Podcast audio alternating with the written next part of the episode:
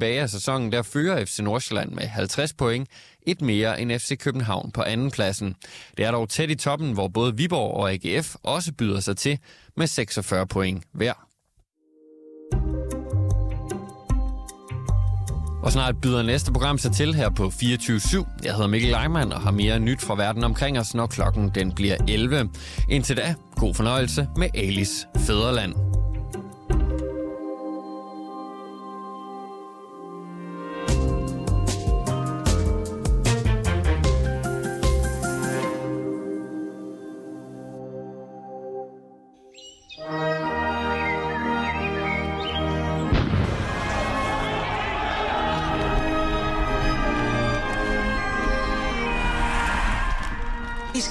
Til at tage andre menneskers frihed.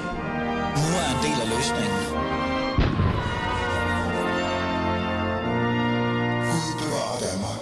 Så er det op af de sorte lædersofaer. Det er i hvert fald det, regeringen siger til særligt kvinder med minoritetsetnisk baggrund, der i overvis har været på offentlige ydelser frem for på arbejdsmarkedet.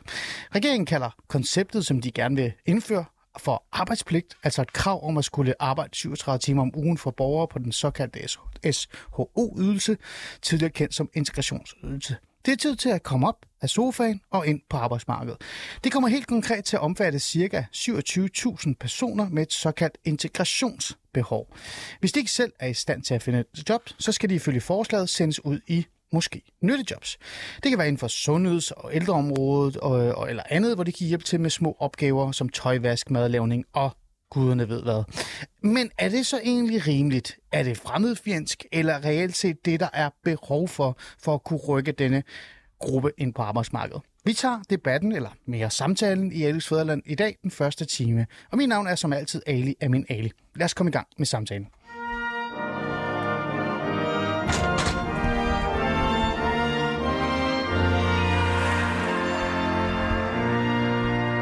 Mm. Og for at kunne gøre det ordentligt, så har jeg inviteret andre mennesker i studiet. Men for at lige, altså før jeg siger pænt goddag til de andre, så vil jeg jo selvfølgelig også sige, at I er velkommen til at deltage i samtalen. I kan skrive ind på 92 45 99 45, 92 45 99 45 deltager i samtalen. Har du en holdning til den her arbejdspligt? Har du selv siddet i den sorte sofa og kommet ud af den? Eller reelt set har bare en, hvad kan sige, en tanke omkring, at hele det her er fremmedfjendsk eller stigmatiserende, så skriv ind til programmet, og så sørger jeg for at tage din spørgsmål eller din kommentar op, hvis de selvfølgelig er relevante. 92 45 99 45. Men udover ja, derude, der lytter med, så har jeg også andre i studiet, og lad mig tænde for mikrofonerne. Lad os starte med dig, Helena. Velkommen til. Tak. Du hedder Helena Mikkelsen, ja. og så er du forbundssekretær og medlem af hovedbestyrelsen i FOA øh, til vores øh, dygtige øh, lyttere, som måske ikke går så meget op i, hvad fagforeninger er. De kan godt være lidt blå her i det her time. Hvad er FOA så? Jamen, øh, FOA, det er jo Danmarks tredje største fagforening. Vi øh, organiserer jo øh, ret mange store dele af, af velfærdsområdet, øh, både inden for social og sundhed, inden for børneområdet, inden for kost og service og inden for teknik og service. Hmm. Så det er alt lige fra øh, svømmebadsassistenter til øh, den velkendte øh, social- og sundhedsassistentprofil, som, øh, som mange jo nok øh, associerer os med. Okay. Men øh, vi organiserer faktisk 53 forskellige faggrupper. Godt. Og øh, du er jo med, fordi du har en reel holdning til det her. Altså mm. sådan en, en decideret holdning. Jeg har jo skrevet et indlæg i, øh, i Berlingske omkring det her emne, hvor jeg roser det og er enig i, at det er faktisk en rigtig god, øh, eller et rigtig godt forslag i forhold til det her, øh, hvad hedder det, jamen den her pligt, 37 timers arbejdspligt. Og du har givet mig et, øh, et, et prober svar, kan man sige. Ikke? Men det kommer vi ind på, Helene. Jeg har også en anden i studiet, Nils Glavin. Tak fordi du vil være med. Tak, selv tak. Du er kendt politik, direktør i analysebyrået Bureau 2000, og så er du tidligere analytiker ved Arbejderbevægelsens Erhvervsråd og forfatter til bogen Fakta og fjendebilleder om indvandrerdebatten. Du er med i, øh, i samtalen i dag, både i forhold til din øh, jamen, erhvervsmæssige erfaring, også omkring med arbejderbevægelsen osv., men også virkelig også i forhold til den her bog, du har skrevet. Øh, fordi der er jo nogle af de her myter, vil nogen mene, som er grunden til, at man faktisk arbejder med ideen om, at man skal tvinge folk i arbejde, eller sørge for, at de skal have arbejdspligt osv. osv. Man siger jo, noget, noget af det her er virkelig meningsløst i bund og grund. I hvert fald kritikken i forhold til det her. Men det kommer vi ind på, øh, Nils. Vi havde også en anden i studiet. Han har desværre ikke lige nået at komme. Det kan være, at han dukker op. Og så har vi selvfølgelig også øh, en tredje, som jeg introducerer ind i programmet. Men lad os bare endelig komme i gang med snakken. Nu har jeg sagt pænt goddag til alle, og så videre, og så videre.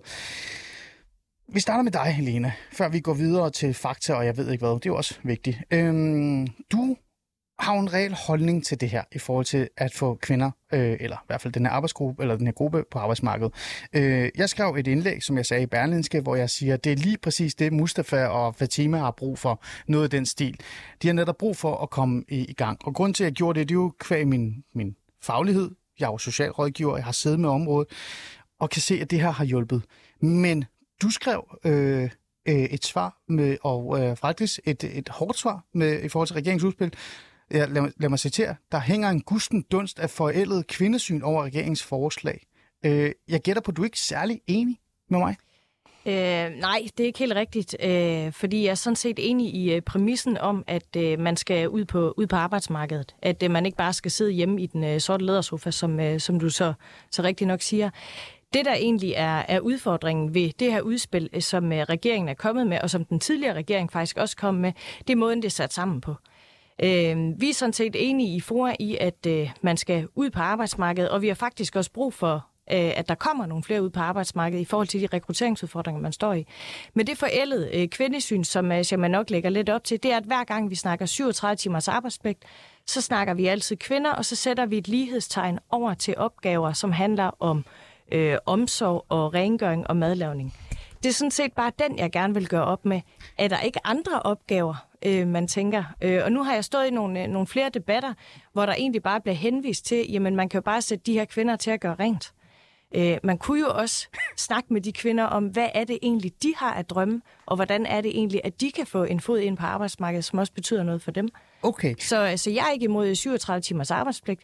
Jeg er imod øh, den fortælling, der er om den, øh, og den præmis, der ligesom bliver, bliver lagt ned over det. Hmm. Øhm. Synes du, det er noget særligt i forhold til kvinder, eller synes du, det er noget særligt i forhold til den minoritetsetniske gruppe, altså den her ikke-vestlige gruppe af kvinder, som øh, altså virkelig er underrepræsenteret på arbejdsmarkedet?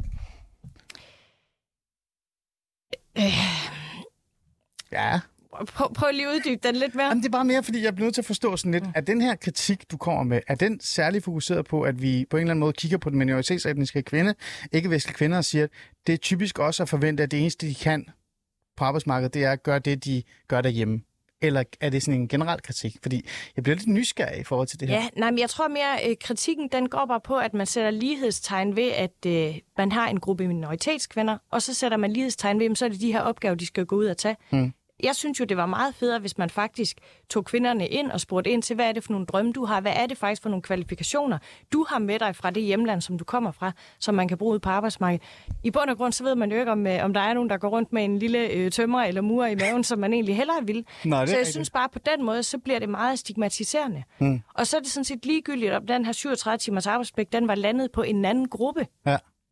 Okay, interessant. Så, øh... Men, men øh, der er, du siger stadig, der er noget omkring de her med øh, fordommene, som er med til at i reelt set sådan banevejen i forhold til, hvilke løsninger man vælger.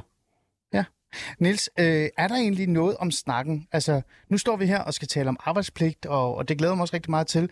Men vi starter jo et sted, som handler om, at det her det er kommet på baggrund af måske nogle fordomme, nogle tanker omkring en gruppe. Ja, det synes jeg i høj grad, og det, jeg synes noget af det kedeligste ved det her forslag, det, jeg synes, der er mange ting, man kan kritisere, men noget af det kedeligste, det er, at øh, man, øh, den måde, det bliver i tale sat på, hvor man ligesom øh, er med til at understøtte en øh, opfattelse af, at øh, de minoritetsetniske øh, kvinder sådan i al almindelighed er nogen, der godt vil at komme hertil for at nasse på vores velfærd. Mm. Og øh, øh, her i, øh, i gårdsdagens politikken for eksempel, der havde øh, Kasper Sandkær, som er Socialdemokratiets øh, integrationsordfører, ja. der havde han et indlæg, som også ligesom lægger op til det her, at de skal ud af, øh, som du siger, de skal ud af sofaen, og det er i virkeligheden bedst for dem selv og sådan noget. Hmm. Og det, øh, i det øh, indlæg, der øh, øh, påstår han blandt andet, at fire ud af ti øh, kvinder med ikke-vestlig baggrund er på kontanthjælp i dag.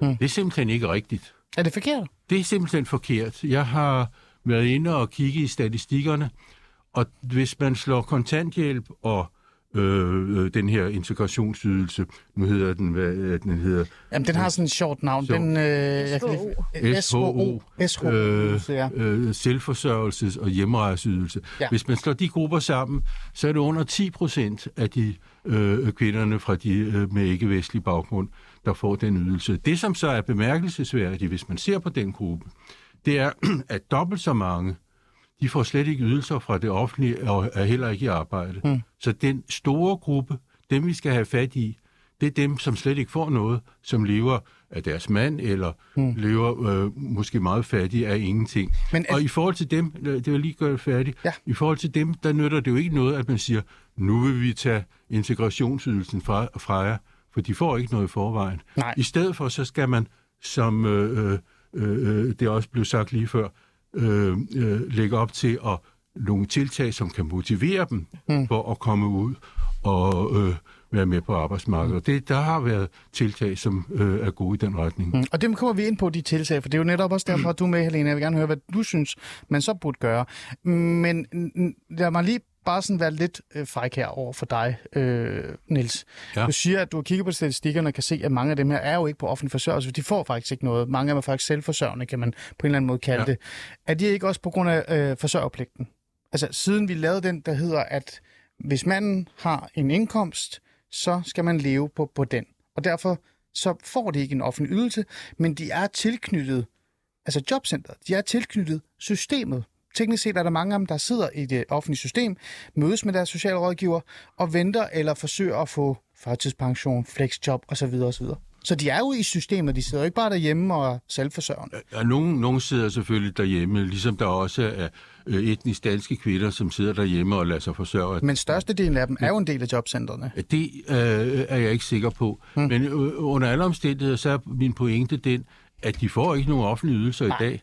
Så det nytter ikke noget at sige, nu tager vi den offentlige ydelse Der er ikke noget tag. Det er jo ikke super, super relevant, og det er jo faktisk også en af de ting, som jeg også har undret mig en lille smule over. Øhm, men nevertheless, så er det jo en målgruppe, man skal gøre noget ved. Øh, Niels, jeg vil gerne lige holde fast til dig.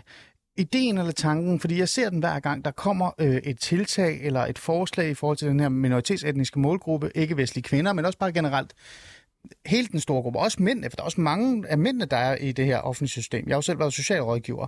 Øhm, men hver gang der kommer nogle tiltag, så bliver det altid slået ned med, at de kommer på baggrund af fordomme og stigmatisering osv. osv. Niels Levin, nu har du jo skrevet en bog, øh, og du har også erfaring i forhold til det her område.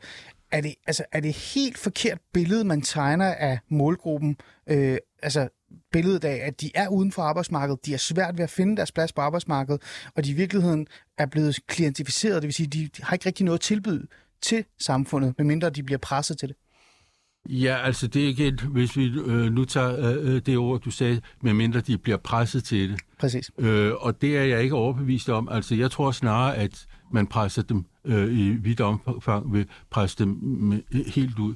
Mm. Øh, der er jo lavet sådan en undersøgelse, vi har lavet en undersøgelse, øh, som, øh, hvor man har øh, spurgt ude i kommunerne om, hvad det er, der øh, er barriere for, at de her kvinder kommer i arbejde. Og det er rigtigt, der er mange, som så ligesom ikke er fortrolige med det danske arbejdsmarked. Der er også mange, der mangler sprogkundskaber, mangler uddannelse og sådan noget.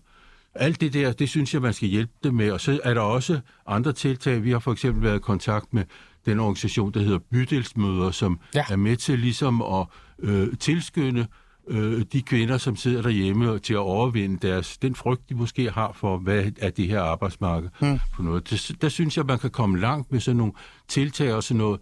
Men sådan at sige, jamen nu vil vi presse jer til at skulle arbejde for øh, ofte 40 kroner i timen eller et eller andet før skat. Mm. Men- det tror jeg ikke fører til Men, noget. men Niels, hvis jeg lige holder fast i dig, før jeg går over til dig, Helena. Der må der være en årsag til, at der overhovedet findes 37.000 eller 27.000 kvinder i deres bedste alder, kan man nærmest sige, uden for den danske arbejdsmarked. Altså, det kan jo ikke være kun fordi, at de ikke har fået en chance, eller ikke fået dansk undervisning nok, eller blevet informeret nok. Jeg har jo været en del af det her system, Niels. Jeg har jo siddet i det, jeg har jo undervist, forklaret. Det er jo det, der man er blevet brugt allermest tid på. Det er at beskrive, forklare, sende folk øh, i øh, sprogskole osv. osv. Alligevel så har man ikke formået at rykke den her gruppe særlig meget. Der må der være en, en, en anden grund end kun det. Kan det ikke også være, fordi de bare sidder godt? Altså, jeg tror ikke, man sidder godt for, for øh, øh, 6.000 om måneden. Tror du ikke det? Nej, Ikke hvis du øh, ændrer dit liv til at passe ind til, at det er nok. Men der er heller ikke ret mange, der sidder på det. Altså, jeg, jeg ved ikke, hvor det der tal 27.000 kommer fra. Det er øh, statistikken i forhold til, hvem, der, altså, hvor mange der er uden for arbejdsmarkedet, som man netop gerne vil hjælpe. Det er Men det, det er tal, ikke statistikken for, hvor mange der er på den her integrationsydelse, eller hvad den øh, Ja. kalder. Jeg ved Det godt, at væsentligt den, den, smider lidt sand i, i maskinen øh, i forhold til deres forslag, men det ændrer jo ikke på, at vi stadig har en stor målgruppe uden for arbejdsmarkedet. Øh, Helena øh, Mikkelsen, vi kommer tilbage til den, Niels. Det er ikke, fordi jeg, jeg afviser det, for vi skal snakke om løsninger. Den her målgruppe, den kender vi jo godt. Altså, og det her tal, det kommer jo fra regeringen, 27.000 kvinder. Altså, det er jo ikke fordi, vi skal jo ikke sidde her og negligere, det er heller ikke det, du gør, Niels, at der er en stor minoritetsetnisk gruppe i Danmark, som ikke er på arbejdsmarkedet. Så kan det godt være, at de måske tjener penge lidt selv ved siden af, eller for deres mænd og sådan noget. De er stadig uden for arbejdsmarkedet. Det skal vi da gøre noget ved, ligegyldigt hvor mange fordomme vi måske har om det. Ja, det er jeg sådan set helt enig i, at, øh, at vi skal. Øh, og så kan man jo altid undre sig over, hvorfor det så er så vigtigt, at man øh, skal hente udenlandsk arbejdskraft op. Åh oh, gud, jeg har ikke starte mig der. 27.000 øh, herhjemme, åbenbart, som, øh, som ikke laver noget. Og så har vi faktisk også en helt anden problemstilling.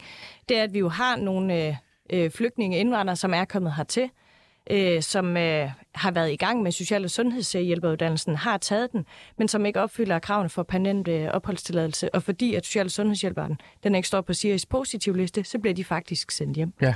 Øh, så der er rigtig mange vinkler ind i det her. Øh, mm. Selvfølgelig skal vi have de her kvinder med ud på arbejdsmarkedet. De, der kan. Mm. Fordi der er jo også nogen, som måske har nogle andre problematikker, der gør, at man ikke kan være en del af arbejdsmarkedet. Mm. Og den tror jeg ikke, man har sorteret fra i de her 27.000. Mm. Øh, man har udvidet målgruppen, fordi man har valgt at tælle dem med, øh, som er kommet hertil øh, før øh, 2008, øh, meget bekendt, øh, i den seneste opgørelse i hvert fald. Mm. Så jeg tror også, det er vigtigt at kigge ind i, hvem i den her målgruppe er det, vi rent faktisk kan få med ud på, på arbejdsmarkedet. Mm. Fordi ligesom at øh, der var hele debatten omkring øh, de 42-45.000 unge, som var uden for arbejdsmarkedet, så kunne man jo sådan set også øh, pille det tal lidt fra hinanden, og så stod man lige pludselig med en mindre andel, hvor det egentlig kun viser at være 15.000, som var den store problematik. Så tal, de kan være øh, gode, men, men man skal også huske at, mm. at tænke på, om øh, det er det rigtige tal. Det har du fuldstændig ret i. Nu trækker jeg noget erfaring ind fra min egen, øh, altså mit, mit, min faglige erfaring i forhold til det, jeg har oplevet som socialrådgiver. Jeg har været socialrådgiver i Aarhus Kommune, mm. og har faktisk siddet med sagstammer, hvor jeg kunne se, størstedelen af dem er, altså vi er oppe på 80 procent af min sagstamme fra aktivitetsberette borgere, det vil sige dem, der er allerlængst væk fra arbejdsmarkedet. Øh, både forsørgende og også selvforsørgende, ligesom du mener, du nævner, Niels. Det har været øh, ikke-vestlige øh, altså borgere, ikke kun kvinder, der har også været mange mænd. Mm. Øh, de boede primært i Gellerup, Brabrand og de her boligområder i Aarhus. Og det overrasker mig, det chokerede mig faktisk. Derfor så kan jeg ikke sådan, altså jeg sidder sådan og tænker, ja, vi skal gøre en masse ting, det kommer vi ind på, men de er der jo, og, ja. de, er, og de er ikke kommet væk derfra. Øh, det er nemt at se dem, der ikke kan, Helena, når man sidder i systemet. Mm. Det er faktisk nemt. Det, der er svært, det er at hjælpe dem, som man ved, der godt kan, men man har bare ikke motiveret dem godt nok. Mm. Kan man sådan være lidt fræk at sige, før vi tager fat i den ordentlige debat, øh, den her historiske, hvad kan vi sige, øh, den her historiske måde, kommunerne er gået til de her kvinder på, og også mændene på, øh, er det bare øh, er det resultatet, vi ser, det der med, at man reelt set ikke har gjort noget for at, at få dem afklaret, eller få dem på arbejdsmarkedet, eller gøre noget. Så derfor så har man bare skabt en stor gruppe, der bare sidder på den sorte sofa og bare venter. Det, det tror jeg faktisk til dels, at systemet selv har været lidt skyldig. Fordi jeg tror ikke på, at det er alle, som har haft en, øh, en drøm om at sidde hjemme i sofaen. Øh, der kan også være nogle øh, kulturforskelle, der gør, at øh, hvordan, når man er kommet til et nyt land, øh, skal træde ind i en ny arbejdskultur, og hvordan bliver man inviteret med ind i det arbejdsfællesskab, som mm. man skal være en del af. Så jeg tror også, systemet det har svigtet på en måde her. Mm. Jeg synes, det er rigtig fint, at vi skal have debatten om, hvordan får vi de her kvinder øh, og mænd øh, med ud på, på arbejdsmarkedet. Men det er bare vigtigt, at vi får det gjort på en ordentlig måde også. Hmm. Og det kommer vi ind på her lige om lidt. Øh, jeg vil bare lige tage den her færdig, øh, før vi går videre til den sådan meget mere praktiske runde, ikke, hvor vi virkelig kan, kan kaste ting i hovedet på hinanden. Øh, Nils, den her øh, tilgang, den her klientificering af en minoritetsetnisk gruppe, lykken om, om man så kan sige, at det kommer på baggrund af fordomme og stigmatisering osv., osv., den har jo oplevet rigtig meget i selve systemet, mig som socialrådgiver. Jeg har jo oplevet, at øh, kollegaer, danske kollegaer har kigget på mig og sagt, at vi kunne ikke få somalier på arbejde, fordi de kommer fra et beduiner samfund. Så derfor så er det svært at få mit job. Øh, jeg, jeg har oplevet, at man har sagt, at det er svært at få for eksempel syre i arbejde, fordi de kommer med trist krigstraumer og så videre, og så videre, og så videre. Man har altid sat nogle barriere op, Derfor så har man på en eller anden måde formået at sætte sin egen fordom og sin egen barriere i hovedet på de andre, og de har så valgt at tage dem til sig og ind på den sorte sofa. For eksempel, Helena, du siger det jo sådan lidt, øh, når man kigger på flygtninge, der kommer til Danmark, især syrerne, gruppen, det første år, de var i Danmark, der var de meget motiverede i forhold til at komme på arbejdsmarkedet. Så, men så falder det år efter år efter år efter år. Så mit spørgsmål til dig, det er sådan lidt, øhm, de her fordomme, er der ikke noget sandhed i dem, men det er faktisk bare vores egne fordomme, der har sørget for, at nu står vi med en stor gruppe uden for arbejdsmarkedet? Mm, Altså, nu ved, altså, øh, nu ved jeg ikke, hvad det er for øh, fordomme, du siger, der er. Altså, de fordomme, som jeg... De her, de her sådan, fordomme, hvor vi reelt går hen og beskytter en gruppe, fordi vi har en idé om, at de ikke kan, eller Nå, men der er de, tvivl om, er, at de, der er de, ingen for eksempel, tvivl... de, de ja. er, er, jeg ved det ikke, har PTSD, eller og så videre, og så videre. Jamen, der er ingen tvivl om, at hvis folk har P- PTSD eller sådan et eller andet, så bliver man jo nødt til at tage fat i det som led i en bestræbelse på at få dem ud på arbejdsmarkedet. Det er jo reelle problemer, mm. øh, og det er jo ikke fordomme. Men det, som jeg er betænkelig ved, det er, hvis man sådan i almindelighed fremstiller øh, øh, ikke-vestlige indvandrere som en gruppe, som bare er ude på at nasse mm. på, på mm. vores velfærdssamfund. Synes du, man gør det ved at lave sådan en 37 timers arbejdspligt? Ja, det synes jeg, og det, øh, øh, øh, det synes jeg øh, i nogen grad, man gør. Øh, også fordi, øh, øh, altså den måde, det i tale sættes på, men altså, øh, øh, hvis det var mig, som ligesom fik at øh, vide, at, at, øh, øh, at jeg øh, øh, ikke skulle ligge hjemme på sofaen og tro, at jeg kunne dankdere den og ret og pligt og 37 timer, og nu skal du ud og arbejde hmm. for 40 kroner i timen og sådan noget. Så ville jeg da føle, at det var et fjendtligt samfund. Men hvad nu, hvis det var rigtigt? Hvad nu, hvis du faktisk har siddet på den sorte sofa i rigtig, rigtig mange år? Hvad nu, hvis du eneste, du formåede at lave i dit liv, det var at møde med din sagsbehandler otte gange om året, eventuelt øh, tage til kiropraktor i ny og næ, og sidde fast i et system, som du reelt set vendede dig til, både indkomstmæssigt, men også hverdagsmæssigt, og var blevet en del af sådan en form for øh, forsørgerstat, hvor du ikke bevægede dig ud af det. Er det, så ikke, er det så ikke fint nok, at staten kommer og siger til dig, kære ven, nu skal vi have dig op af sofaen, nu skal du på Men arbejdsmarkedet. hvorfor kan man ikke gøre det ved, ved at, øh, mere fri, frivillige til, tiltag og ved at øh, øh, øh, behandle folk med respekt? Altså hvis folk øh, øh, øh, oplever, at man ikke bliver behandlet med respekt, hmm. så er det jo ikke vejen til at få dem integreret. Det hmm. tror jeg ikke på. Helena, øhm, er der ikke noget sandhed i det? Altså, fordi altså, når du er blevet klient- klientificeret, når du sidder i den der sofa, du er ikke kommet ud af den, fordi samfundet måske ikke har set dig som en ressource, mm. men har faktisk set dig som et svagt individ, der skal beskyttes. Er det så ikke fint nok, at samfundet kommer og siger, nu tror vi på dig, og derfor så skal du starte med at arbejde for den indkomst, du nu får, hvis du nu får en? Jeg synes, det er rigtig fint at starte med at tro på folk. Øh, Jeg synes også, øh, at man skal gå ind og... Når man øh, tror på folk, så handler det også om, at øh, man skal tage dem ind øh, og snakke med dem, i stedet for bare at kaste dem ud i, øh, mm. i en eller anden øh, nytteløs øh, aktivering. Ja. Det er jo det, der er lagt op til i det her. Vi har jo selv hørt statsministeren sidde i en, øh, i en nytårstale og fortælle, at øh, nu skal der altså smøres øh, mad ud på plejehjemmene. Mm. Det bliver der faktisk allerede den dag i dag. Øh, så det er ikke, jeg forstår ikke, det er breaking news, må det være. Ja, Øh, men der, der bliver også ordnet vasketøj derude. Der bliver faktisk også øh, mm. gjort rent. okay. Øh, så når regeringen kommer med sådan et, øh, et forslag her, så, så det, der er ærgerligt, det er måden, man, man omtaler det på. Mm. Øh, og det er den måde, som man sætter det sammen på. Mm. Øh, Men, men det er fordi, at grund til, at jeg starter den her samtale med jer på den her måde, og jeg prøver sådan at gå lidt til at spørge omkring det her med fordomme og stigmatisering og det, det er fordi, at nu siger jeg det ærligt, øh, og det er jo et program, hvor den verden kan deltage. Jeg er også virkelig træt af, at som minoritetsetnisk borger i det her samfund, øh, som måske ikke har de samme sådan, små venstreorienterede holdninger, der hedder, at vi skal beskyttes og værnes om.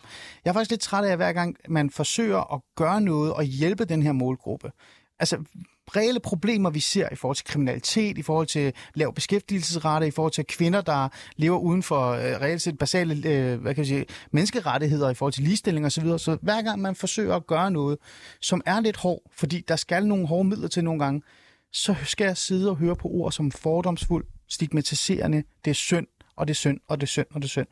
Har I nu sådan overvejet, at det modsatte er måske mere synd, Nils?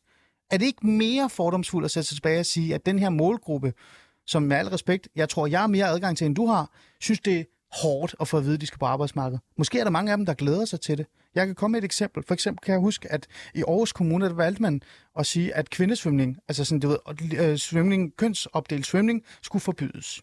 Ikke? Det var der mange, der blev rigtig vrede over, altså i offentligt regi. Men der var også rigtig mange somaliske og arabiske kvinder, der kom ind til mig og sagde, tak. Endelig så kan min datter få lov til at svømme med min søn, eller en, de kan lide. Så kan jeg slippe for alle de der social kontrol ting. Så kan der ikke også være noget omkring det, Nils? Spørg ærligt. Jamen altså, øh, det som jeg synes er det farlige i det her, det er, at der er nogle øh, forholdsvis begrænsede grupper øh, blandt de etniske minoriteter, mm. hvor der er social kontrol og ting og sager, som vi må tage afstand fra. Det er der så også i parentes bemærket i i... Øh... Ja, jo, nu har vi fokus på det her gruppe. Ja, ja, Selvfølgelig. altså... Det findes også om Brint Jehovas vidner. Det ved vi alle sammen godt. Nå, ja, ja. Nu taler vi om dem her.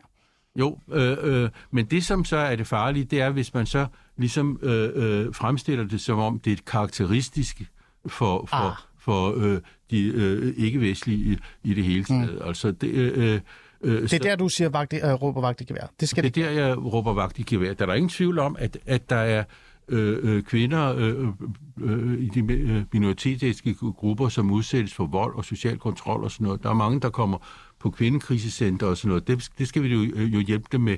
Men, men det er ikke karakteristisk for flertallet af, af øh, de ikke-vestlige indvandrere. Det måske, jeg kan, det kommer ind på, hvad det er for en parameter, man kigger på, men det kan være 5 eller 10 procent eller sådan noget. Der er sådan en gruppe, som øh, vi skal sætte øh, ind over for. Mm. Men, men det farlige, det er, hvis man øh, fremstiller det som det karakteristiske for mm. alle ikke -vestlige. Men du, det er jeg med på. Nu vil jeg bare lige have et kort svar på det, før vi inviterer den næste gæst ind, og Helene skal også have lov til at svare det.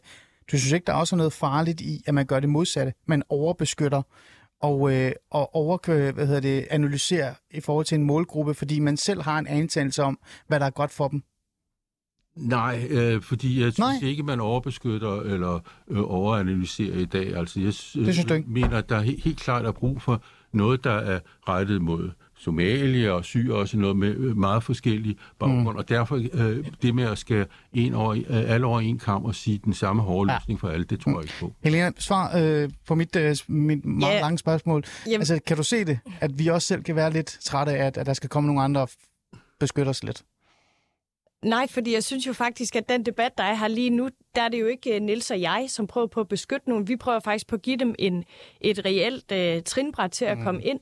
Uh, og hvor jeg synes, at den stigmatisering, den kommer faktisk igennem forslaget. Fordi man går ind og så siger, I kan gå ud og varetage overenskomstmæssige arbejdsopgaver til en lavere løn. Det er Men det, de kan jo lære det det er det, I er værd. Det er jo sådan set det, man siger. Ah, okay. hvorfor, ikke, hvorfor ikke hellere kigge på, at der er et menneske, som er lige med alle os andre, men som mangler nogle færdigheder, nogle kompetencer til at kunne træde ind på arbejdsmarkedet. Mm. Og det kan både handle om sprog, og det kan også være nogle faglige kompetencer. Mm. Så jeg tror på, det er den vej, man skal gribe i stedet for. Fordi det er jo den rigtige måde at behandle mennesker på, i stedet for at sætte dem til at lave arbejde til 40 kroner i timen.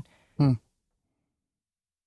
Ja. Det er offentlig social løndumping i hvert fald. Okay. Så vi kan godt blive enige om, før vi går videre til, så, til det mere praktiske, at, at måske det der menneskesyn er i virkeligheden, jo jo, det må vi godt have fokus på, men det handler mere om at, at møde individet. End, end, det er bare fordi, jeg kan ikke forstå det, jeg prøver at sige, det er hver gang der kommer en holdning, eller en, en, en tese, eller en teori, eller en løsning i forhold til den her gruppe, så skal jeg altid sidde og høre på rigtig meget omkring racisme og stigmatisering det bliver også lidt træt af. Jeg vil jo hellere Nå, høre sådan en som dig sige... Men det har vi jo talt om i den her debat. Nej. Vi har jo talt om, hvordan er det, vi får dem bedst muligt inkluderet i arbejdsfællesskabet. Mm. Så det er så, så for FOA så handler det her slet ikke om, at man ikke vil invitere dem ind. Det handler ikke om med racisme eller noget andet. Nej. Men det handler om, at vi skal behandle mennesker ordentligt. Og det skal vi også, når der bliver fremlagt et 37 timers arbejdspligt. Så handler det også om, at man skal aflønne folk ordentligt også. Mm. Man skal sikre dem, at de får de kompetencer, der skal til for at kunne blive en del af, af arbejdsfællesskabet. Det er jo det. Målet er jo ikke at sætte folk i billig arbejde. Nej. Målet er jo, at de gerne skal have en tilknytning, en vedvarende tilknytning til arbejdsmarkedet.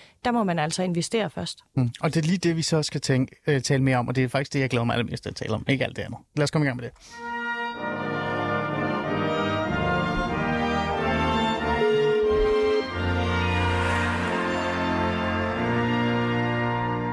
I lytter til øh, uh, Alice Fæderland, og uh, vi er jo i gang med programmet, og I kan høre mig ringe nogen op, og jeg håber selvfølgelig, at min gæst er med. Men jeg venter lige med at introducere ham, fordi jeg sidder her lidt alene i dagens afsnit af Fæderlandet, så jeg skal producere og tilrettelægge og gøre det hele selv. Men, men ligegyldigt hvad, så er det jo hyggeligt og et godt selskab. Jeg har Niels Klavin med, øh, kan politik, øh, kan pol, pol, hed, pol, kan polit hedder det, er det ikke rigtigt? Jo, men jeg har ikke øh, færdiggjort. Øh, Nej, gjort. ved du hvad, jeg har heller ikke gået på universitetet, så det går nok. Direktør i analysebureauet øh, Bureau, øh, Bureau 2000, og du er tidligere øh, analytiker ved Arbejdsbevægelsens Erhvervsråd. Og så er du forfatter til den her bog, øh, Fakta og fjendebilleder, som jeg synes er rigtig interessant. Den skal vi have en længere snak om en dag, øh, Niels, tænker jeg. Så, så har jeg dig, Helene Mikkelsen, med, forbundssekretær og medlem af hovedbestyrelsen i FOA, øh, og så får jeg en ny gæst med her. Og bare lige for at ramse op, hvad det er, vi egentlig har lavet. Første halve time, der er det jo handlet om den her arbejdspligt, som regeringen gerne vil indføre over for ikke-vestlige øh, indvandrere, især kvinder. Øhm, men jeg vil gerne lige have en snak omkring hele det her med stigmatisering og fordomme, fordi jeg synes, den fylder rigtig meget, men det er dejligt at høre, at i virkeligheden så handler det jo ikke øh, om det, eller det burde det ikke handle om. Det burde faktisk handle mere om, hvordan vi kan gøre det ordentligt, hvis vi faktisk gerne vil have den her målgruppe i, øh, i, ind på arbejdsmarkedet. Og det betyder jo så selvfølgelig, at jeg kun kan ringe til én person, eller have en person i studiet, som kan kvalificere samtalen endnu mere, når det egentlig skal handle om det. Og det er jo dig, Rasmus Brygger. Er du med? Det er jeg. Goddag. Velkommen til. Tak fordi du vil øh, være med. Du er leder af etnicitetsteamet i Institut for Menneskerettigheder. Er det ikke rigtigt? Jo, det er helt korrekt. Rasmus, må lige, jeg bliver til lige at spørge, hvad er etnicitetsteamet? Det lyder meget øh, fancy. Jamen, øh, det er øh, et, et team øh, på, øh, på fem medarbejdere, som vi har i Institut for Menneskerettigheder, som arbejder for at øh, sikre ligebehandling af etniske minoriteter i Danmark. Godt. Rasmus, du lavede også noget andet før det. Hvad var det, du lavede der? egentlig, hvis jeg må være lidt fræk at spørge. Du var faktisk stifter og, øh, kan man sige, ejer af en, en tænketank, eller hvad det nu det var. Prøv lige at fortælle, hvad det var. Ja, jamen altså, før det, så, så havde jeg ansvaret for integrationspolitik i øh, Dansk Arbejdsgiverforening, og derefter så har jeg øh, stiftet og, og drevet øh, Danmarks Videnscenter for Integration. Mm. Øh, og i begge tilfælde har jeg også arbejdet øh, ret aktivt med, med lige præcis den her problemstilling. Mm. Grunden til, at jeg gerne vil have, at du skal have den kasketter med, Rasmus, det er fordi, jeg gerne vil fortælle vores lyttere, du ved faktisk virkelig meget om det her, øh, når det kommer til stykket.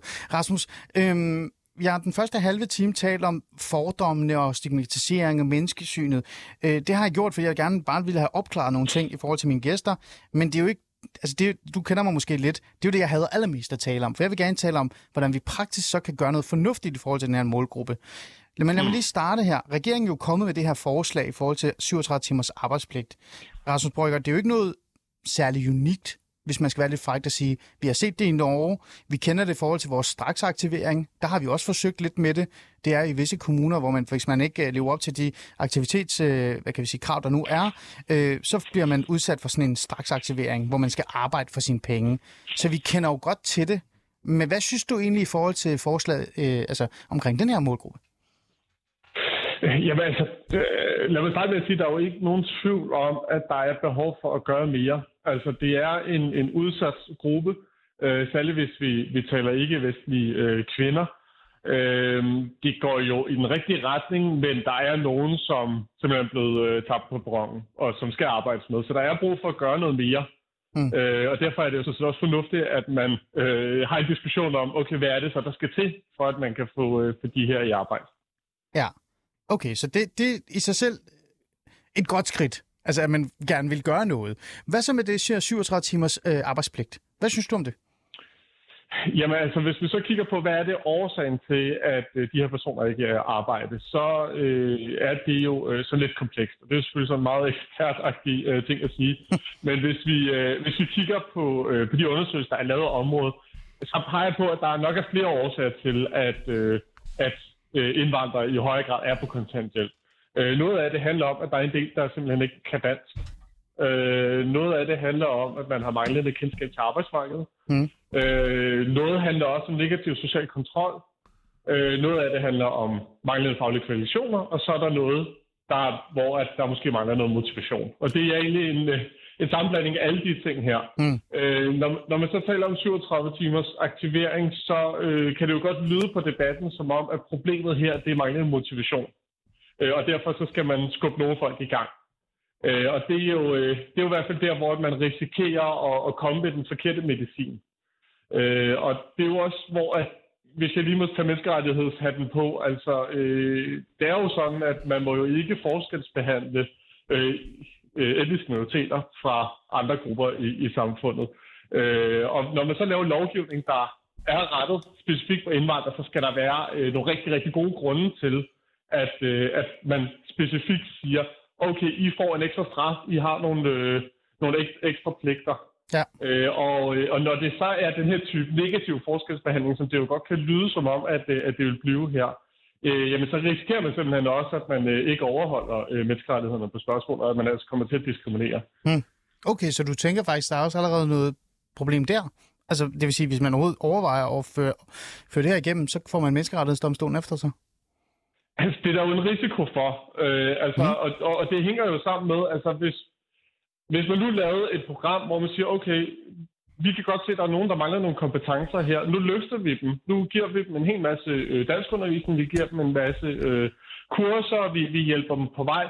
Sådan, så det på sin vis er, man kan sige, positiv forskelsbehandling. Altså hvor man siger, okay, den her gruppe har brug for en ekstra hånd. Ja. Jamen, så, så vil problemet ikke være så stort. Men når man vælger at tage pisken i stedet for gulderoden, så øh, er det oplagte spørgsmål, jamen, hvorfor er det kun indvandrere, der skal målrettes det her? Fordi mm. der er jo også andre mennesker på kontanthjælp, som måske også vil øh, kunne, mm. Kunne have gavn af en, øh, af en øh, straksaktivering, hvis det var det, man, øh, man har i spil. Mm. Det har du øh, fuldstændig ret i. Øh, Det vil jeg gerne sige. Øh, men det er jo bare interessant i forhold til det der med øh, menneskerettighedsdomstolen. Hvis vi lige nu går hen øh, og lige lægger den til side, Rasmus. Øh, du mm. nævner det her med, at det her det er en kompleks gruppe. Det er også det, vi har været inde på, Helena, mig og dig, i forhold til, at det er en meget kompleks gruppe, og det hjælper ikke bare at smide min nyttejob. Der er jo mange ting, der er i spil her. Øh, hvis man kigger på forslaget, og så er det svært at læse sig frem til, hvad man egentlig vil med de 37 timer. Men med sådan en med, øh, med mig med sådan en kasket, som hedder Socialrådgiverkasketten, så kan jeg godt forestille mig i hvert fald praktisk, hvordan det kommer til at udspille sig. Og det er også det, jeg tror, man tidligere har peget på, det er, at det ikke bliver 37 timer. Det bliver måske 20-22 timers øh, hvad hedder det, arbejdspligt, men resten bliver sådan opkvalificering, undervisning i dansk osv. osv. osv. Hvis det er den sande billede af, hvad man måske kommer til at arbejde med, er det så ikke i hvert fald okay, Rasmus? Øh, jo, men spørg- spørgsmålet er jo for det første, er det det, der er tale om? Fordi mig bekendt er der ikke tale om, at, øh, at man for eksempel ændrer på de refusionsregler, som, øh, som gør, at kommunerne så kan tilbyde dansk undervisning Mm. øh, og få, få penge fra staten med. Øh, så hvis det realistisk bliver, at man giver meget af det samme, og så lægger man nyttejob oveni, øh, så, øh, så, så har jeg svært ved at se, hvordan det er, at, at den her opkvalificering er det er den her hjælpende hånd. Okay. Øhm, hvis det er en del af en større pakke, hvor man siger, okay, jamen altså, den her gruppe, altså, hvis man nu går individuelt til værks, det er jo, så ser det også sådan, menneskerettighederne øh, hænger sammen, og det er jo sådan, vi, vi bør tænke, okay, vi kan se, her er en person, eller her er en gruppe personer, vi ved, at de egentlig bare lige har brug for noget motivation, de har brug for lige at, at stå op om morgenen og komme ud øh, på en arbejdsplads, Mm. så er der intet problem i det, men det er det der med, når man skal alle over en kamp, så øh, altså, både i forhold til, om man skal have noget, der virker, men også i forhold til, at man også respekterer, øh, hvad det er for nogle menneskerettige principper, vi, vi lever efter i Danmark, Ah. så er der altså noget, der, øh, der, der begynder at, at lugte lidt af diskrimination. Ikke? Okay. Øhm, Helena, vi to har jo talt om det her med, at, øh, at det er jo fint, det er jo måske meget godt, det her i virkeligheden, men det har brug for at være bedre øh, i virkeligheden. Det har brug for at være mere individuelt baseret, men også mere, øh, hvad kan vi sige, øh, snævet ind.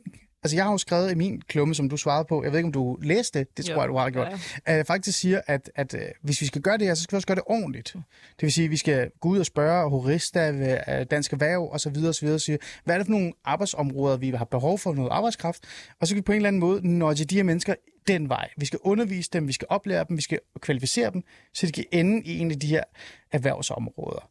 Øhm, hvis vi gør det på den måde, Jamen, det er jo lige præcis det, jeg slutter af med i, øh, i mit debatindlæg. Det er jo nemlig at opfordre til, at uh, husk lige at, at trække de faglige organisationer ind i, uh, i den her debat. Uh, jeg synes ikke, man skal lave en, en 37-timers arbejdspligt i den form, den ligger nu. Men, men det, det, der er ret væsentligt at nævne, det er, at nu har vi været ved at tage en stikprøve på, hvor mange af social- og sundhedsskolerne har faktisk et samarbejde med kommunerne i dag Ja. i forhold til, til indvandrere. Og der er virkelig, jeg tror faktisk stort set alle so- danske sosu-skoler har øh, forforløb til sosu-uddannelserne hmm. for, øh, for, øh, for, øh, for kvinder med anden etnisk baggrund end dansk. Øh, så, så der er så mange muligheder derude, og det der, det der er væsentligt at sige, det er her, hvor man får, sin, øh, man får nogle kompetencer med sig, man får noget sprogundervisning, man får faglige kompetencer, og så er der jo faktisk også det i det, at der er nogle ressourcer til, når man så skal ud i praktik på arbejdspladserne. Hmm. Det er der ikke i øh, den her 37 timers arbejdspligt, når man bare tænker nyttejob. Øh, jeg ved ikke, hvad det er for en forestilling, men man bare tænker, at, øh, at nu kan øh, Soleima, som, øh, har, har kom til da, som kom til Danmark for, for 12 år siden, øh, har aldrig øh, besøgt det, det danske arbejdsmarked. Nu sætter vi hende ud på plejehjem Y, og så får hun en, øh, en spand og en, øh, en kost, og så kan hun øh, gå og gøre rent, så finder hun selv ud af, hvordan hendes arbejdsdag skal fungere. Hmm. Det, det dur jo ikke. Det, det er jo ikke sådan, vi, vi skaber den, øh, øh, det inkluderende arbejdsfællesskab heller, eller man får tillært øh, sprog, sprogkompetencer eller faglige kompetencer. Men er det ikke det samme, du efterspørger bare i forhold til øh, den private arbejdsmarked? Så, fordi altså jurister for eksempel, de, de, de jurister, er, jurister er altså dem, der har hele det der restaurant og turisme og hotel og sådan noget, ikke? Altså, hjælp mig gerne. Jo, jo. hele den der kæmpe store øh, kasse der. De har jo masser af, af, af folk, som ikke kan dansk, som overhovedet ikke ved, hvad dansk arbejdsmarked er, men de kommer ind, og så arbejder de, og så lærer de, hvordan øh, det her erhverv er, hvordan Ja, Danmark er, hvordan samfundet er. ikke, øh, det skal ikke gøre mig klog på øh, lige på det brancheområde der, om, øh, om de lærer noget af Ah, nej, det, men der altså- er inkluderet. Det, der i hvert fald er vigtigt, når vi snakker øh, social- og sundhedsområdet, øh, og det er det, jeg ved, at der er øh, det hotte emne inden for, når vi snakker 37 timer arbejdspligt, så er det der, ja. alle tankerne flyver hen med det samme. Det er ældreområdet, fordi vi kommer til at mangle 16.000 ja. øh, øh, frem mod 2030. Ja. Så det er det emne, der er det hotte. Ja, Det, det, der er udfordringen, det er, at man, der er en borger i den anden ende også. Mm. Så det er, jo ikke, øh, det er jo ikke bare at gøre rent, det er jo også, at man skal kunne tale med de borgere, man kommer ud til. Man skulle kunne have den her kommunikation. Mm. Vi vil rigtig gerne øh, invitere de her kvinder ud på, på arbejdsmarkedet, men det kræver også, at der følger nogle øh, ressourcer med til at kan invitere dem med ind i, i arbejdsfællesskabet. Mm. Og ved de arbejdspladser, som øh, vores medlemmer og forårsmedlemmer er på i dag, de mangler arbejdskraft, men det betyder også, at de har et rigtig højt arbejdspres derude. Så derfor så er det hverken til gavn for øh, øh, Soleima, som kommer ud, eller for, for de medarbejdere, der er derude, med mindre at man har øh, sørget for, at der er en eller anden form for, for mentorordning. Hmm. Og det er jo det, man kan lave i de her øh, individuelle forløb, som vi ser socioskolerne laver forforløb osv. Mm. Rasmus, øh, jeg vil gerne trække dig ind. Du sagde også noget øh, øh kunne jeg høre. Men, øh, men, men Ja. Rasmus, øh, det der bliver lagt op der her af Helena, det er jo sådan også lidt en 50-50 af det, jeg gerne vil have. Øh, men jeg kunne ikke bare lade være med at sidde tilbage og tænke, og nu må du godt hjælpe mig, både øh, og, og, og støtte mig, men også måske være kritisk overfor, mig, hvis der er. Jeg kunne ikke sidde og lade være med at tænke, Rasmus, den der frivillige tilgang til det hele, er det ikke det, vi altid har gjort? Altså, jeg har også oplevet en masse sådan nogle øh, star-projekter, bliver de kaldt, som dukker op i jobcenterområdet, hvor man tager 20 kvinder med ikke baggrund, og så siger man, at man frivilligt vil hjælpe dem ind på arbejdsmarkedet via socioassistent og sådan noget. Og så dukker de aldrig op, eller de synes, det er hårdt, og så dropper man projektet. Øh, Er det ikke det, vi altid har forsøgt, og så er det bare aldrig lykkes? Altså, man kan jo sige, at der er brug for noget strukturelt. Det, det, det kan jeg jo godt følge dig i, at det ikke bare er sådan projekt, og det er en, en, en sygdom, som har eksisteret på det der område alt for mm. længe. Øh, og øh, der er jo ikke noget galt i, at der er nogle pligter, der følger med, når man er på kontanthjælp. Altså, det tror jeg heller ikke, at der sådan set er noget uenighed i. Øh, men, men det, jeg godt vil anholde i den her diskussion, og det, det er jo så set også det, der var i dit spørgsmål, Eli, og det er, at altså, lærer man noget, hvis man ikke kan dansk, hvis man ikke har nogen øh, sådan store arbejdskompetencer, øh, kompetencer, Mm. lærer man noget af at stå og vaske op, øh, Mm. for eksempel. Ja. Og hvis vi kigger på, på forskning, hvis vi kigger på erfaringerne, du lærer ikke dansk. Hvis du ikke kan dansk, så lærer du ikke dansk at blive smidt ud på en arbejdsplads. Mm. Øh, der bliver du nødt til at, øh, altså, at have nogle kurser i det. Man kan kombinere det, men du kan ikke bare smide nogen ud i 37 timer, og så forvente, at de lærer dansk af sig selv. Det, altså, der er studier, hvor man har fulgt nogen ude i et supermarked, for eksempel, og så talt, hvor mange danske ord har du sagt i løbet af en dag, hvor det var sådan noget 10 danske ord, eller sådan noget, ikke? Hold De da lærer, op. de lærer man jo ikke dansk af. Nej, så det gør man siger ikke. man bare derover. Ja. Øhm, og, og hvis vi så øh, også kigger på, på de faglige kompetencer, socioområdet er jo et, et perfekt eksempel. Øh, altså, det er jo noget, hvor at vi har en uddannelsesinstitution, hvor man kan komme ind og lære det, og så kan man bygge op. Og man, igen, man kan sagtens kombinere det med, at man arbejder samtidig i en eller anden form, men, men, øh, men, men der er et uddannelseselement af det. Hvis vi kigger mod Norge, øh, som jo er et godt forbillede, de er meget bedre øh, end os på, på, på mange af de her områder, så er det jo præcis, hvad de gør. Altså 37 timers aktivering i Norge er 37 timers undervisning. Altså det er uddannelse, som man har fokus på her. Øh, og det er jo i hvert fald der, hvor at jeg bliver bekymret både med direktionshatten og med, med institutshatten, når, når, jeg, når jeg så hører nyttejob her, fordi de er ikke opkvalificerende. Det er jo, det er jo et redskab, man har brugt øh, historisk til unge, mm. der, der sådan har brug for et, et, Ja. et spark bag i, fordi Ja. ja. de ikke vil stå op om morgenen. Ja. Øh, og, og, og altså, jeg siger ikke, at det redskab overhovedet ikke må bruges over for den her gruppe, men altså, vi, vi, vi, vi taler om, at der er nogen, der har brug for en, et løft for at komme ud på arbejdsmarkedet. Og hvis man så kun står med en pisk i hånden, Ja. så, øh, så, så kommer vi så set ikke rigtig videre, og de kommer heller ikke videre. Og så står vi med samme problem om 5-10 år, øh, Men- men... når, når de ikke længere er i et lønjob. Men der er et, øh, men der er et øh, og Niels, du du tager bare fingeren op, hvis du gerne vil deltage her, men der er jo et reelt, et andet problem, og lad mig tage den med dig, Niels, i virkeligheden. Det er jo, øh, at vi taler om det her øh, med den her gruppe, men samtidig så taler vi jo også om, at vi skal have en masse folk til Danmark.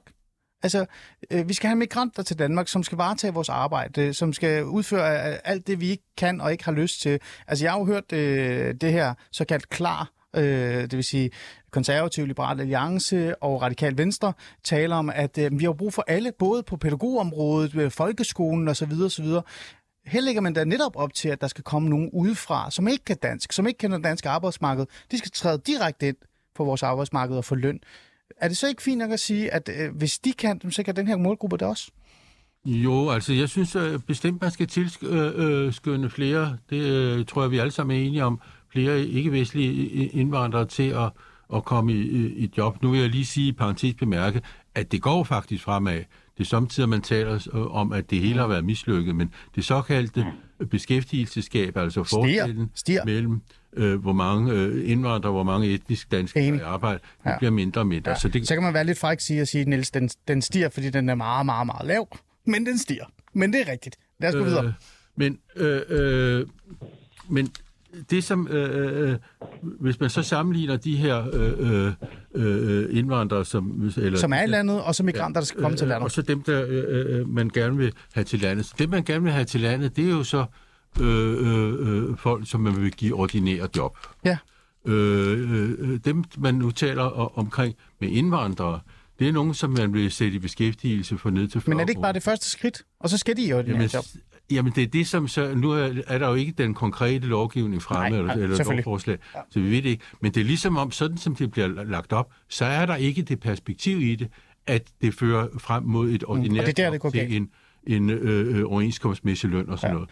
Ja. Og, øh, og så tror jeg, at det vil øh, virke som, som, at man bliver påduttet et skodjob, fordi man kom, har en anden etnisk baggrund. Ja, og det er jo der, du kommer ind i spillet, Helena. Så tænker du sådan, lige løn, arbejdsvilkår osv. osv. Men jeg kunne ikke lade være med at sidde og tænke sådan, politikerne vil bare hente en masse migranter nærmest. Ikke? Jeg ved godt, nu over sælger jeg det der med masse migranter, men, men man lægger jo virkelig meget op til, at nu skal det være helt almen arbejdsområder, der skal fyldes op med migranter. Er det så ikke fint nok at sige, at så tager vi en målgruppe, som er i Danmark, de skal lige øh, arbejde for lidt mindre til at starte med, og de skal lige igennem noget, noget krav og pligt osv., men så smider vi dem ind på arbejdsmarkedet, i stedet for at hente en masse migranter ind. Nej, jeg synes ikke, man kan, man kan sætte den op på den måde. Øh, fordi så kan, så kan vi altid finde en eller anden måde på at lave øh, løndumping på ved at sige, at nu øh, får vi lige nogen, der ikke lige Men vi har, har, jo de rette en, vi har en bundgruppe her, vi har en Ja, nej, bundklasse, men det er ikke, ja, Lena, men, som har brug det er jo for også hjælp. ærgerligt at kalde det for en bundgruppe og en Men det er det jo bundklasse. blevet. Det er det jo. Vi har fået en ny klasse, en ny bund i Danmark, som er minoritetsetniske borgere, der bor i ghettoerne og, Ja, og har ingen men har penge vi og så ikke også en forpligtelse til at løfte dem op? Præcis. Øh, og den forpligtelse, den ligger jo ikke ved at gå ud og bede dem om at sige, at nu, nu skal du arbejde til, til 40-50 kroner i timen. Mm, okay. øh, og så går din øh, kollega øh, Helena ved siden af dig og, øh, til en, øh, ja. Øh, til Men en de skulle starte et sted. Nej. Ja, men det, er ikke, det handler ikke om, at selvfølgelig skal man starte et sted, men man skal ikke starte et sted, hvor man går ind og så varetager øh, opgaver, som er overenskomstdækket lønmæssigt. Øh, det, det er sådan, vi har skruet øh, vores arbejdsmarked sammen her i Danmark. Der mm. vi har den danske model. Vi går ud og forhandler nogle øh, aftaler øh, ud på, på arbejdspladserne, ja. som dækker løn og arbejdsvilkår. Mm. Det skal også være gældende for den her gruppe. Selvfølgelig skal de arbejde til en øh, overenskomstmæssig løn. Mm. Vi vil rigtig gerne have dem ud. Men så nu, altså, og det er jo rigtigt, som øh, Rasmus siger, Norge er jo, er jo foran på mange fronter. Øh, og når de laver en, øh, en 37-timers arbejdspligt, øh, så, hvor den har et uddannelsesperspektiv, så er det, så er det jo det rigtige afsæt. Mm. Det har den her 37 ti- den danske øh, 37 timers arbejdspligt, det har Ikke den ikke. nej. Den har en billig arbejdskraft. Den mm. har bare en, du skal yde, før du kan nyde mm. øh, tese. Ja. Så der er ikke det der uddannelsesperspektiv. Der er ikke perspektiv til at blive integreret og til at blive en del af Og arbejdsfællesskabet. det er det, der gør det farligt. det er det, der gør det farligt, okay. ja. Rasmus, øh, den her snakker om migranter skal komme til landet og udføre al vores arbejde, ikke? og så tænker jeg, at vi kan jo bare sætte dem, som vi allerede har. Er, er, det, er det for nemt at sige? Jamen altså, man, man glemmer i hvert fald i den diskussion. Nu, nu nævnte jeg øh, nogle af de mange forskellige årsager til, at folk ikke kommer på arbejde. En, en af de ret store, som vi slet ikke tænker nok om, det er jo også, at man har nogle sygdomsmæssige øh, forhindringer til at komme i arbejde. Vi, vi ved jo, at øh, for eksempel blandt flygtninge, så er det op mod halvdelen, der har, har traumer, øh, PTSD, hvor at, øh, det ikke nødvendigvis er diagnostiseret. Mm. Man kan jo bare sige, der, men mennesker er ikke ens, udlændinge er ikke ens. Øh, det, at, øh, det er jo en, en sammensat gruppe, men hvis man kommer hertil som, som krigsflygtning, så, så er det jo også noget andet, end, øh, end hvis man øh, får en, en kollega fra, fra Polen op til arbejde. Og der følger jo også nogle andre forpligtelser, øh, både sådan helt juridisk og også moralsk, når man, når man så har flygtninge øh, at, at gøre med her. Mm. Øh, så så, så det, det skal man jo lige være opmærksom på. Men altså, der er jo intet, der står til hinder for, at man får, øh, altså, at man får indvandrere og flygtninge i arbejde, og at man samtidig også får nogle og andre øh, kolleger ind. Jeg skal ikke blande mig ind i diskussionen om, øh, om, om, om lønvilkårene. Nej, men det er også derfor, jeg ikke spørger dig. Øh, men, men altså, øh, jeg, jeg, jeg, jeg vil da sige, at det, altså, man kan jo sagtens arbejde med gruppen, man kan også sagtens tilføre øh, området med ressourcer. Integrationsområdet er jo et, øh, et område, som til tider går op og, og ned i forhold til, øh, for mange ressourcer, man, man, man bruger på gruppen. Okay. Øh, og øh, altså, vi, vi taler om, og det, altså, det, det, det ved dem, der også arbejder på det her felt, ja. der er, vi ved også, hvad der virker på det her område, og det kan man jo også arbejde med mm. øh, i langt højere grad. Mm. Øh, og man kan også gøre det individfokuseret, ja. så det heller ikke behøver ja. at, at, at, det være den her det er, du, det er du fuldstændig ret i, og, og, og du har fuldstændig ret, at man har, man har faktisk rimelig meget viden, man kan trække på i forhold til den her målgruppe. Øh, men nevertheless, mm. så viser det også, at at sådan noget som pligt, altså, sådan, altså krav om, at du skal være til stede, også virker. Øh, men det virker jo ikke på den store gruppe. Ligesom du selv siger, der er jo nogen, der faktisk slås med større problemer, end bare at ikke mm. gide at komme på arbejde. Men jeg får lyst til at spørge dig øh, lige hurtigt, Rasmus, før jeg giver over til Helena. Øh, jeg ved godt, det ikke er rimeligt. Vi skal ikke snakke om løn, bare roligt. Men hvis, hvis de her kvinder, eller den minoritetsetniske gruppe, skal slås med lige løn, med lige tømmerløn osv., osv., så kommer de jo aldrig ind på arbejdsmarkedet. De vil jo altid være bagud. Så er det ikke fint nok, at man giver øh, en mindre øh, hvad kan vi sige, øh, hvad kan vi sige, en mindre pose til dem, indtil de lærer at, at være på arbejdsmarkedet, og så kan de komme på lige vilkår. Er det ikke okay? Øh, altså, der må jeg jo også lige tage menneskerettighedshatten på og sige, øh, der, der, der, der må vi jo heller ikke forskelsbehandle. Nej. Øh, altså, så, så der er altså også en risiko her, hvor at, øh, at man går ind og siger, at den her gruppe, de... Øh, okay. Altså, igen, diskussionen er med etnisk danske personer. Der er også nogle der, der ikke har, har kompetencer, som også har nogle øh, udfordringer.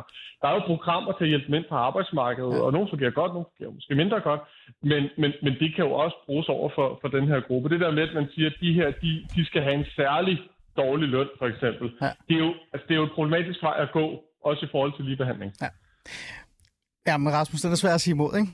Rasmus Brygger, tusind tak, for du vil være med og lige øh, kvalificere lidt samtalen og også lige udfordre mig lidt. Øh, altid en fornøjelse at have med. Øh, Helena, her øh, til sidst, og også dig, øh, Nils. Jeg har sat mig for at finde ud af, om vi kan bruge det her øh, til noget. Jeg har sådan lidt den her idé om, at vi er enige om, der skal gøres noget. Og vi er også enige om, Niels, ikke? Ret og pligt, det er jo fint nok i sig selv. Men, men problemet er bare, at vi måske går for meget til den med fordomme endda, men også bare helt forkert til den, fordi vi kommer til at, sådan at, at tvinge en gruppe ind på en arbejdsmarked, som de faktisk overhovedet ikke ved noget som helst om, og ikke kan være en del af, Helena. Ja, det synes jeg er et kæmpestort problem, at man vælger at gribe den øh, på den måde. Øh, der findes faktisk øh, ret mange forløb derude, der har en succesrate, øh, hvor, det er, hvor det er folk med anden etnisk baggrund end dansk, som faktisk får, kommer i, igennem de her forforløb, som går ud og så kan få taget en, øh, en øh, uddannelse som social- og sundhedshjælper eller social- og sundhedsassistent, og som så bliver en, øh, en del af mm. arbejdsmarkedet øh, og en del af arbejdsfællesskabet, og dermed også øh, en, mm. en del af det danske samfund. Så derfor så er jeg, jeg helt enig i, at vi kan ikke bare gå ud og, og lønne dem på den her måde. Der er både noget, der er noget overenskomstmæssigt i det, der er en måde på, hvordan er det, vi vil have et dansk arbejdsmarked, men der er virkelig også det her syn på, hvordan er det, vi behandler mennesker. Mm. Øh, så, øh, så jeg synes, øh, vi har rigtig mange gode eksempler på forforløb til sosuddannelserne, mm. som faktisk virker. Noget af det, som der ikke har virket, er også nødt til at sige, det er integrationsuddannelsen i GU'en, fordi ja. der var der ikke nogen øh, sprogkrav i. Nej, det var det faktisk ikke. Det var der Det forstod jeg heller aldrig nogensinde. Nej, Nej, så den har jo aldrig virket på vores område eller på vores områder, mm. øh, fordi man netop ikke kunne tale dansk, når man havde gennemført en, mm. Øh, en IGU. Så konklusionen på dagens øh, afsnit må være, at vi skal gøre noget. Vi har en kæmpe ressource her. Vi har mennesker, som vi ikke skal kigge med fordomsbriller på. De kan godt, de vil gerne, men vi skal bare gøre det ordentligt, i stedet for at, at tage den simple løsning, og så tror de bare kan... Er det det, der er konklusionen? Så skal de ringe til FOA lidt mere. Ja, altså vi Regeringen vil, vi vil uh, rigtig gerne tale med, med regeringen om, hvordan vi kan være med til at løfte den her problemstilling. Vi har masser af gode eksempler på, hvordan vi kan gøre, så uh, de ringer bare. Okay, jeg laver noget øh, dialogkaffe med dig, Kasper Sankær, tror jeg. Niels Lavin, tusind tak, fordi du kom i studiet. Den bog der, den skal vi to øh, have en hyggesnak med en dag. Synes jeg. Det ringer lige til dig og laver en aftale. Helena, en fornøjelse at have dig i studiet. Og til jer lyttere, tak fordi I lyttede med. Det var den første time. Lidt, lidt, øh, lidt faglig, men, men det er også, øh, skal der også være plads til. Nu er der i hvert fald nyheder.